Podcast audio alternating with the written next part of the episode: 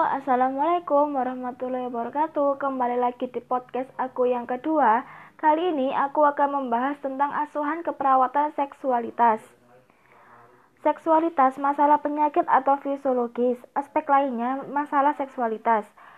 Pembicaraan mengenai seksualitas sering kali dianggap sebagai hal yang tabu. Tidak pantas dibicarakan dalam komunitas umum bersifat pribadi, hanya dikaitkan dengan masalah hubungan antar lawan jenis. Klien tidak terlepas dari aspek seksualitasnya ketika mereka berada dalam sistem pelayanan kesehatan. Dalam pelayanan kesehatan yang dengan pendekatan holistik, semua aspek saling berinteraksi. Aspek seksualitas mempengaruhi dan dipengaruhi oleh aspek biologi, psikologi, sosiologi, kultural, dan spiritual. Pengaruh penyuluhan keagamaan, peran gender secara kultural, keyakinan tentang orientasi seksual, pengaruh sosial dalam lingkungan masa lalu dan saat ini mempengaruhi sistem nilai klien maupun perawat. Definisi seksualitas dan seks merupakan hal yang berbeda. Seksualitas yaitu bagaimana seseorang merasa tentang diri mereka dan bagaimana mereka mengkomunikasikan perasaan tersebut kepada orang lain melalui tindakan yang dilakukannya seperti sentuhan, pelukan, ataupun perilaku yang lebih halus seperti isyarat gerak tubuh, cara berpakaian, dan perbendaharaan kata, termasuk pikiran, pengalaman, nilai, fantasi, emosi. Seks sendiri yaitu menjelaskan ciri jenis kelamin secara anatomi dan fisiologi pada laki-laki dan perempuan, hubungan fisik antar individu atau aktivitas seksual genital. Identitas gender merupakan perasaan seseorang tentang jenis kelaminnya. Perilaku peran gender adalah bagaimana seseorang berperan sesuai gendernya, nilai-nilai yang dianut individu dan lingkungannya. Perawat mengkaji kemungkinan terjadinya perubahan peran gender pada klien ataupun anggota keluarga sebagai dampak dari hospitalisasi atau perubahan status kesehatan. Orientasi seksual atau identitas seksual adalah bagaimana seseorang mempunyai kesukaan berhubungan intim, dengan orang lain dengan lawan jenis atau sejenis. Kesehatan seksual didefinisikan sebagai pengintegrasian aspek somatik, emosional, intelektual, dan sosial dari kehidupan seksual dengan cara yang positif yang memperkaya dan meningkatkan kepribadian komunitas dan cinta. Menurut WHO 1975, definisi ini mencakup dimensi biologi, psikologi, dan sosiokultural. Komponen kesehatan seksual, konsep seksual diri, body image, identitas gender, dan orientasi seksual. Konsep seksual diri, nilai tentang kapan, di mana, dengan siapa, dan bagaimana seseorang mengekspresikan seksualitasnya. Konsep seksual ini yang negatif menghalangi terbentuknya suatu hubungan dengan orang lain. Body image yaitu pusat kesadaran terhadap diri sendiri secara konstan dapat berubah bagaimana seseorang memandang atau merasakan penampilan tubuhnya berhubungan dengan seksualitasnya, kehamilan, proses penuaan, trauma, penyakit, dan terapi tertentu. Identitas gender, suatu pandangan mengenai jenis kelamin seseorang sebagai laki-laki atau perempuan, mencakup komponen biologi juga norma sosial dan budaya. Transgender yaitu istilah bagi seseorang yang identitas gender atau ekspresi gendernya berbeda dengan anatomi jenis kelaminnya. Transgender menyakupi cross-dresser, intersex, transseksual, preoperatif, dan transseksual post-operatif. Cross-dress, orang yang rutin menggunakan pakaian dari jenis kelamin yang berbeda. Bentuk ekspresi gender tidak perlu dihubungkan dengan orientasi seksual. Banyak cross dresser adalah heteroseksual. Intersex, orang yang memiliki organ seksual ganda atau ambiguous pada saat lahir atau hermaprodit. Transseksual pre preoperatif adalah seseorang yang mengalami konflik antara gender dengan anatominya. Transseksual postoperatif adalah orang yang telah menjalani operasi untuk mengubah gendernya. Karakteristik kesehatan seksual, kemampuan mengekspresikan potensi seksual dengan meniadakan kekerasan, eksploitasi, dan penyalahgunaan seksual.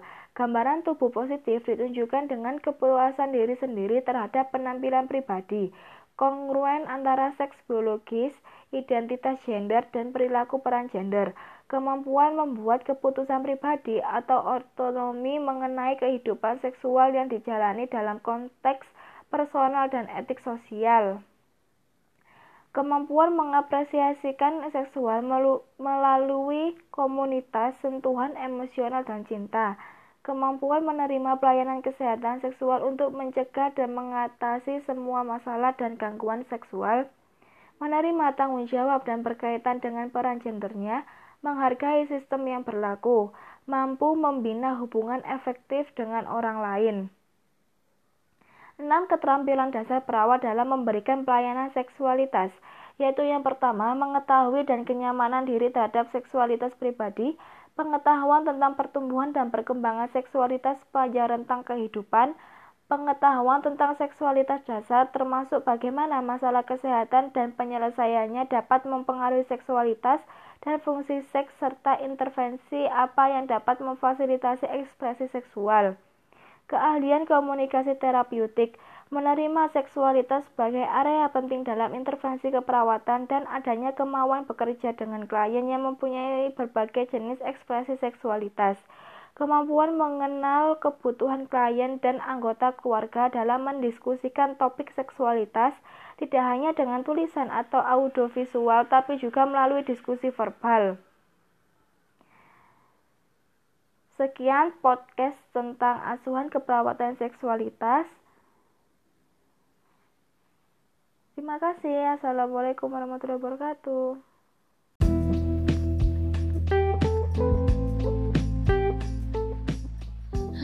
Assalamualaikum warahmatullahi wabarakatuh Kembali lagi di podcast aku Kali ini aku akan membahas tentang aplikasi keperawatan transkultural dalam pendidikan keperawatan, praktik manajemen, dan riset Pengertian keperawatan transkultural nursing adalah suatu area atau wilayah keilmuan budaya pada proses belajar dan praktek keperawatan yang fokus memandang perbedaan dan kesamaan di antara budaya dengan menghargai asuhan sehat sakit didasarkan pada nilai budaya manusia, kepercayaan dan tindakan, dan ilmu ini digunakan untuk memberikan asuhan keperawatan, khususnya budaya atau keutuhan budaya kepada manusia. Menurut Leininger 2002 Pengertian keperawatan menurut Virginia Henderson tahun 1978, perawatan adalah upaya membantu individu baik yang sehat maupun sakit untuk menggunakan kekuatan, keinginan, dan pengetahuan yang dimilikinya, sehingga individu tersebut mampu melaksanakan aktivitas sehari-hari, sembuh dari penyakit atau meninggal dunia dengan tenang. Tenaga perawat berperan menolong individu agar tidak menggantungkan diri pada bantuan orang lain dalam waktu secepat mungkin. Pengertian pengkajian transkular nursing Pengkajian adalah proses pengumpulan data untuk mengidentifikasi masalah kesehatan klien sesuai dengan latar belakang budaya klien. Keperawatan transkultural adalah suatu bentuk pelayanan profesional dan merupakan bagian integral dari pelayanan kesehatan. Didasarkan pada ilmu dan kiat bentuk pelayanan biopsikospiritual yang komprehensif ditujukan kepada individu, keluarga, dan masyarakat. Keperawatan didefinisikan sebagai diagnosis dan tindakan terhadap respon manusia pada masalah kesehatan aktual atau profesional dan situasi kehidupan. Menurut Kali Roy tahun 1976 mendefinisikan keperawatan merupakan definisi ilmiah yang berorientasi pada praktik keperawatan yang memiliki sekumpulan pengetahuan yang memiliki sekumpulan pengetahuan untuk memberikan pelayanan kepada klien. Dari beberapa definisi di atas dapat disimpulkan bahwa keperawatan adalah upaya pemberian pelayanan atau asuhan keperawatan yang bersifat humanistik dan profesional, holistik berdasarkan ilmu dan kiat, standar pelayanan dengan berpegang teguh kepada kode etik yang melandasi perawat profesional secara mandiri atau melalui upaya kolaborasi.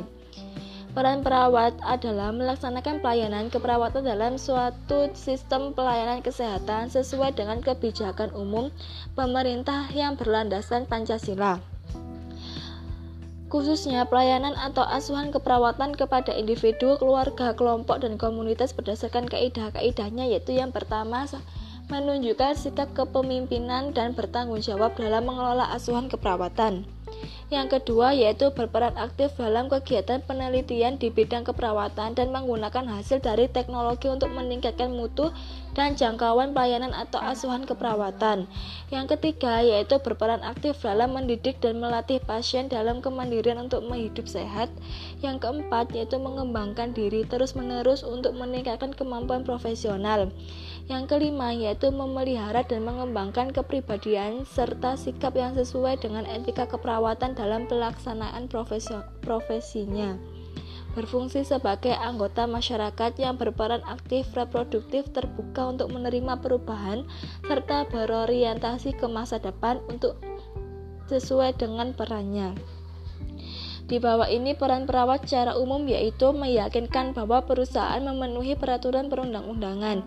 Yang kedua yaitu mengembangkan program surveillance kesehatan. Yang ketiga yaitu melakukan konseling. Yang keempat yaitu melakukan koordinasi untuk kegiatan promosi kesehatan dan fitness. Yang kelima melakukan penilaian bahaya potensial kesehatan dan keselamatan di tempat kerja. Yang keenam mengelola penata laksanaan akibat kerja dan pertolongan pertama pada kecelakaan serta masalah primer di perusahaan. Yang ketujuh, yaitu melaksanakan evaluasi kesehatan dan kecelakaan kerja. Yang kedelapan yaitu konsultasi dengan pihak manajemen dan pihak lain yang diperlukan.